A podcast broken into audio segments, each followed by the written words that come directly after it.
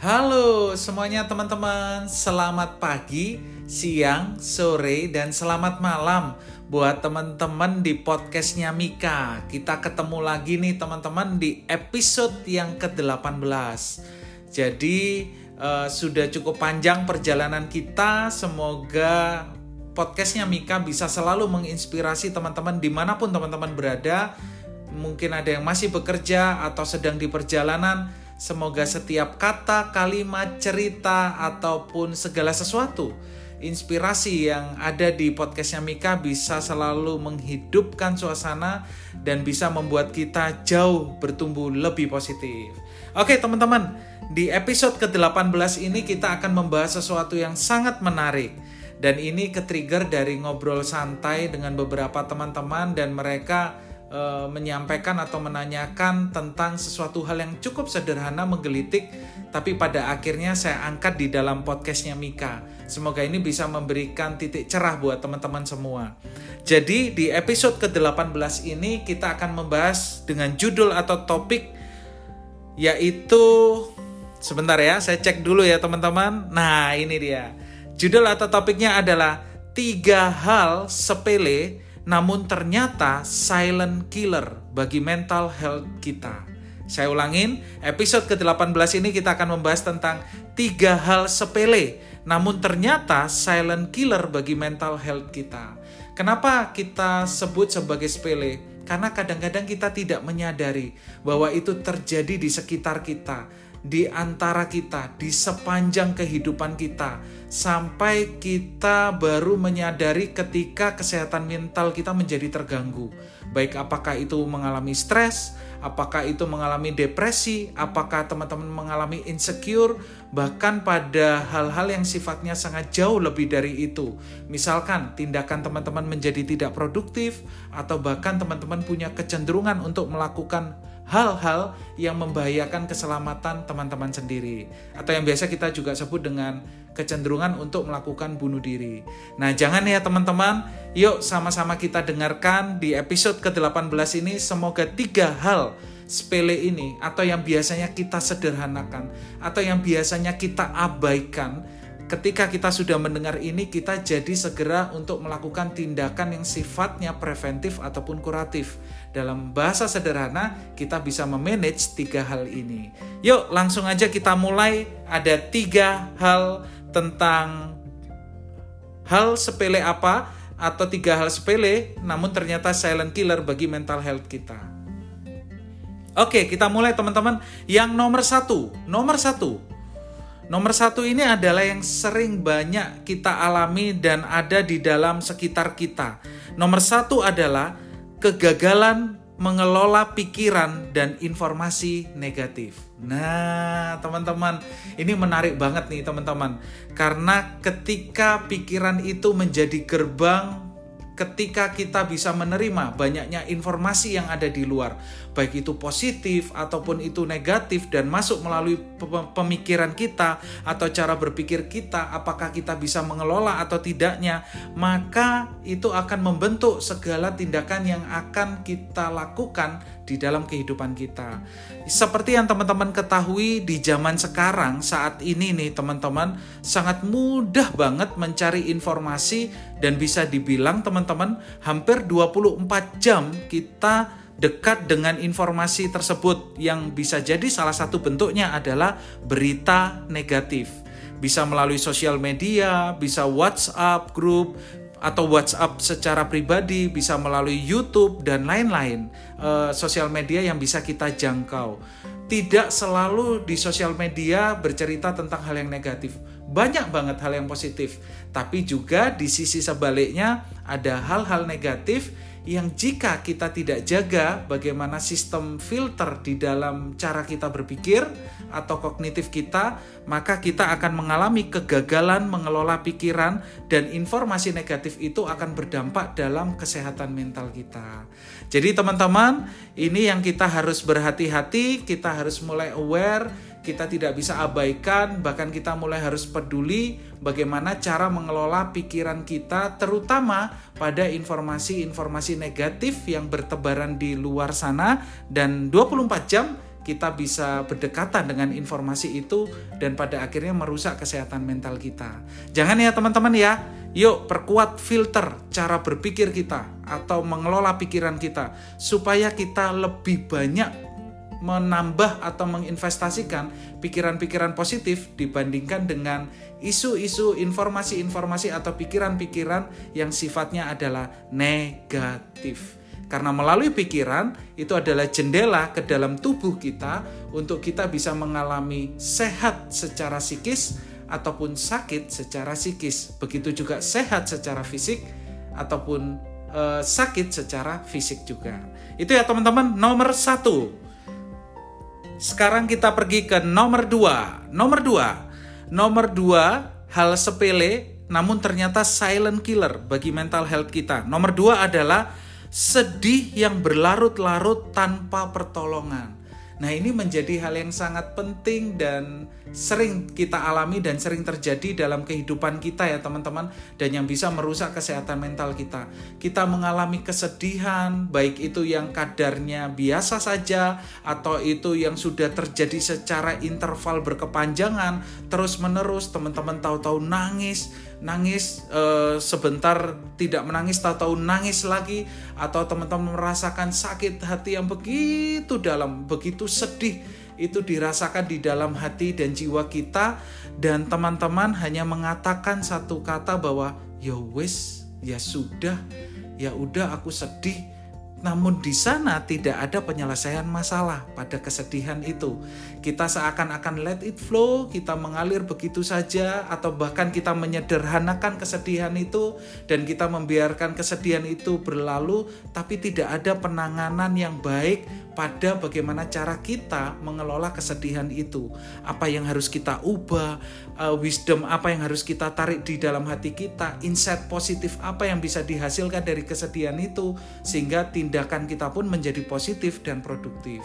Yang berbahayanya adalah silent killernya adalah kesedihan itu dibiarkan terus-menerus mendominasi di dalam kehidupan kita dan memimpin jalannya kehidupan kita, journey kehidupan kita sampai kita tidak menyadari bahwa kita tidak melakukan tindakan preventif atau kuratif apa pun, pencegahan atau tindakan penyelesaian apa pun untuk menyelesaikan kesedihan itu hingga kita sampai di satu titik yaitu resiko yang terberat yaitu merusak kesehatan mental kita. Tidak jarang teman-teman di dalam beberapa kasus ya di psikologi karena kesedihan yang amat sangat dalam tidak tertolong atau tidak mendapatkan pertolongan dengan baik, pada akhirnya dia melakukan tindakan-tindakan yang irasional, antara lain menyakiti tubuhnya sendiri dengan menggores-gores sesuatu di pada tubuhnya untuk melampiaskan kesedihannya. Jangan ya teman-teman, bahkan tidak jarang mereka melakukan tindakan-tindakan yang bahkan e, sangat berbahaya bagi dirinya, yaitu salah satunya adalah mengakhiri hidupnya. Siapa pun teman-teman yang mendengarkan podcast ini, di mana pun teman-teman berada, apa pun yang teman-teman sedang pikirkan dan apa pun yang teman-teman sedang melakukan, dan jika teman-teman saat ini sedang bersedih, bersedih dan bersedih begitu jatuh sampai ke dalam hati teman-teman e, benar-benar merasakan sakit yang begitu amat sangat Di mana pun teman-teman yang mendengarkan ini, jangan biarkan itu semakin berlarut-larut. Teman-teman nggak sendiri, kamu nggak sendiri. Segera mencari pertolongan. Carilah pertama adalah orang terdekat yang teman-teman bisa percaya untuk teman-teman bisa bercerita, untuk teman-teman bisa mendapatkan kekuatan, minimal pegangan pada orang tersebut supaya orang tersebut bisa membagikan energi positifnya dan teman-teman mulai bangkit dari rasa kesedihan itu. Uh, Kak Mika, tapi aku nggak punya orang terdekat itu. Orang terdekat itu pun yang malah membuat aku sedih dan sakit hati. Maka teman-teman carilah profesional terdekat yang ada di sekitar teman-teman. Jangan tunda lagi. Jangan tunda lagi teman-teman segera bergerak. Segera temukan pertolongan itu, segera pergi ke profesional, segera pergi ke psikolog, dan mulai bangkit dari kesedihan itu untuk bisa menjadi jauh lebih baik, sehingga kesehatan mental kita menjadi benar-benar sehat, bukan menjadi kesakitan mental dalam hidup kita. Itu ya teman-teman ya, yang nomor dua, sedih yang berlarut-larut tanpa pertolongan. Jangan biarkan, jangan diamkan. Ketika teman-teman sedih, segera here and now sadari bahwa kita bersedih dan kemudian segera mencari pertolongan terdekat yang bisa kita jangkau dan kemudian pergi ke profesional jika itu dampaknya sudah jauh-jauh jauh lebih beresiko di dalam hidup kita apalagi membahayakan keselamatan diri kita atau bahkan orang lain. Itu ya teman-teman ya. Dan yang ketiga, terakhir.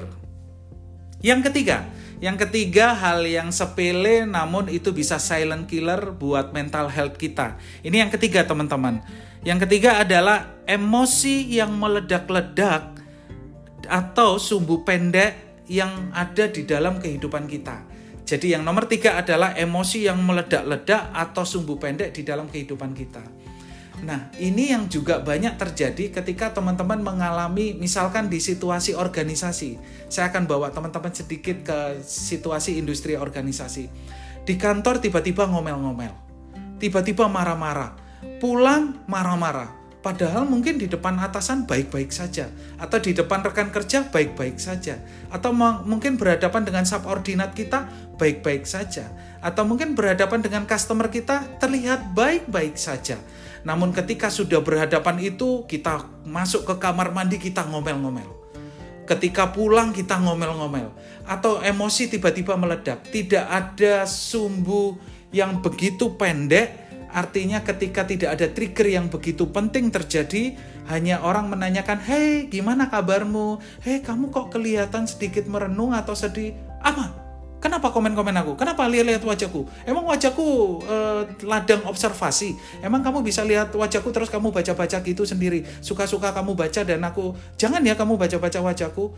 Atau misalkan ada orang menyapa, eh gimana kabarmu? Kenapa nanya-nanya kabar? Kenapa? Kenapa? Mau bahas hidupku ya? Mau bahas kekuranganku? Mau bahas uh, jatuhnya aku? Atau mau bahas kejelekan aku? Atau kamu memang kamu memang rencananya memang membuat aku semakin menderita dan merana ya dengan bertanya apa kabarku?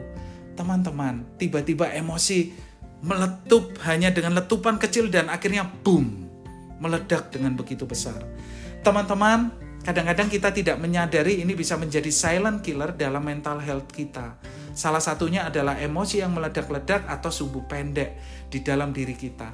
Kenapa di dalam manusia bisa terjadi emosi yang meledak-ledak atau sumbu pendek dalam diri kita?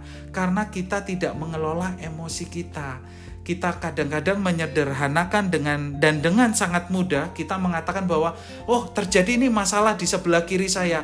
Ah ya sudah nggak apa-apa. Dan itu masuk ke dalam hati teman-teman kerikil itu masuk dan mengkristal di dalam hati teman-teman sep tanpa teman-teman sadari Lalu terjadi masalah itu lagi, masalah yang lain atau berbeda. Ah, ada masalah lagi, nggak apa-apa wes, simpen aja, simpen masuk mengkristal lagi di dalam hati. Ada masalah lagi, masuk ke dalam hati lagi. Ada masalah lagi, masuk ke dalam hati lagi. Sampai teman-teman tidak menyadari. Kerikil kecil, kerikil kecil, kerikil kecil, terus bertumpuk, terus mengkristal, menjadi sebuah batu yang besar, dan hanya butuh trigger yang kecil saja, trigger itu meletup di dalam hati kita dan akhirnya batu itu menjadi bom atom dan boom meledak. Dan sampai teman-teman tidak menyadari bahwa itu melukai hati teman-teman, melukai pikiran teman-teman, melukai perasaan teman-teman sampai akhirnya teman-teman berkata bahwa di dunia ini tidak ada yang mengerti aku dan tidak ada yang memahami aku. Bahkan semua orang ingin menyakiti aku. Aku terluka, aku sedih tapi tidak ada yang membantu. Itu sebabnya aku menjadi emosi karena aku tidak bisa lagi melihat ada harapan di situ, ada jawaban di situ. Sehingga hal yang paling efektif yang saya ekspresikan adalah emosi. Karena dengan emosi saya bisa mengeluarkan apa pun yang saya pikirkan, yang saya rasakan, dan itu meledak dengan begitu saja tanpa saya manage dengan baik. Jangan ya teman-teman, ketika teman-teman mengalami emosi yang meledak-ledak atau sumbu pendek, dan itu sudah terjadi selama beberapa waktu, jangan itu sampai menjadi silent killer bagi kesehatan mental kita atau bagi mental health kita sampai kita mengalami stres ataupun depresi. Jangan ya teman-teman, tapi mulai kelola. Dengan cara apa Kak Mika? Mulai aware, mulai here and now, mulai menyadari bahwa kita, hati kita, jiwa kita, hati ini memiliki kapasitas tertentu yang mungkin tidak begitu luas atau lebar untuk selalu menampung setiap terhadap rasa sakit hati, rasa marah, rasa kecewa, atau bahkan di nomor dua rasa sedih, dan semua ditampung satu waktu dalam hati kita. Jangan teman-teman, mulai sadari here and now, ambil kertas, mulai tulis setiap apa yang menjadi keluh kesah kita, bahkan di setiap hari kita, dan jangan lupa menutupnya dengan gratitude, dengan mengucap syukur. Hal baik apa yang sudah saya alami dalam hidup saya. Dan ingat, jika ada emosi yang terjadi dalam diri kita dan kita menuliskannya, dan kemudian itu adalah masalah yang harus segera ditangani, segera tuliskan dalam kertas dan mencari solusi apa yang efektif yang bisa kita lakukan supaya kita tidak lagi mengalami emosi. Ingat ya teman-teman, emosi yang meledak-ledak bisa terjadi karena tidak ada penanganan yang secara periodik atau secara konsisten yang di mana penanganan itu bisa menjawab secara langsung permasalahan yang kita sedang hadapi dalam kehidupan kita. Kata kuncinya adalah menemukan point of cause atau apa poin dari penyebab kenapa kita emosi dan kemudian dengan sesegera mungkin menyelesaikan permasalahan itu secepat-cepatnya tanpa harus menyimpannya di dalam perasaan lagi. Oke ya, itu teman-teman tiga hal yang sering dianggap sepele namun silent killer bagi mental health kita. Semoga teman-teman tidak lagi melihat tiga hal itu sebagai hal yang sederhana atau sepele atau diabaikan. Yang nomor satu tadi adalah kegagalan mengelola pikiran dan informasi negatif. Jadi jaga pikiran kita. Kalau di dalam bahasa psikologi adalah jaga kognitif kita, yaitu jaga cara berpikir kita. Karena itu akan menentukan pertama kali untuk tindakan apa yang kita akan lakukan dan itu bisa membuat kita sehat ataupun sakit. Dan yang nomor dua adalah sedih yang berlarut-larut tanpa pertolongan. Jangan biarkan itu terjadi ketika teman-teman sedih, segera lakukan uh, stress management, segera lakukan mengelola kesedihan itu sendiri, termasuk bagaimana kita bisa keluar dari kesedihan itu secara secepat-cepatnya. Karena itu bisa membuat kesehatan mental kita menjadi jauh lebih kuat. Dan yang ketiga terakhir adalah emosi yang meledak-ledak atau sumbu pendek. Jika terjadi emosi yang meledak-ledak, berarti ada sesuatu yang kita abaikan, kita sepelekan, dan kita anggap sederhana. Padahal ketika kita pulang, kita membawa investasi emosi yang berbentuk masalah yang terkristal di dalam hati kita. Jangan segera selesaikan, cairkan kristalnya dengan mencari jawaban dan solusi apa yang paling efektif yang bisa kita lakukan.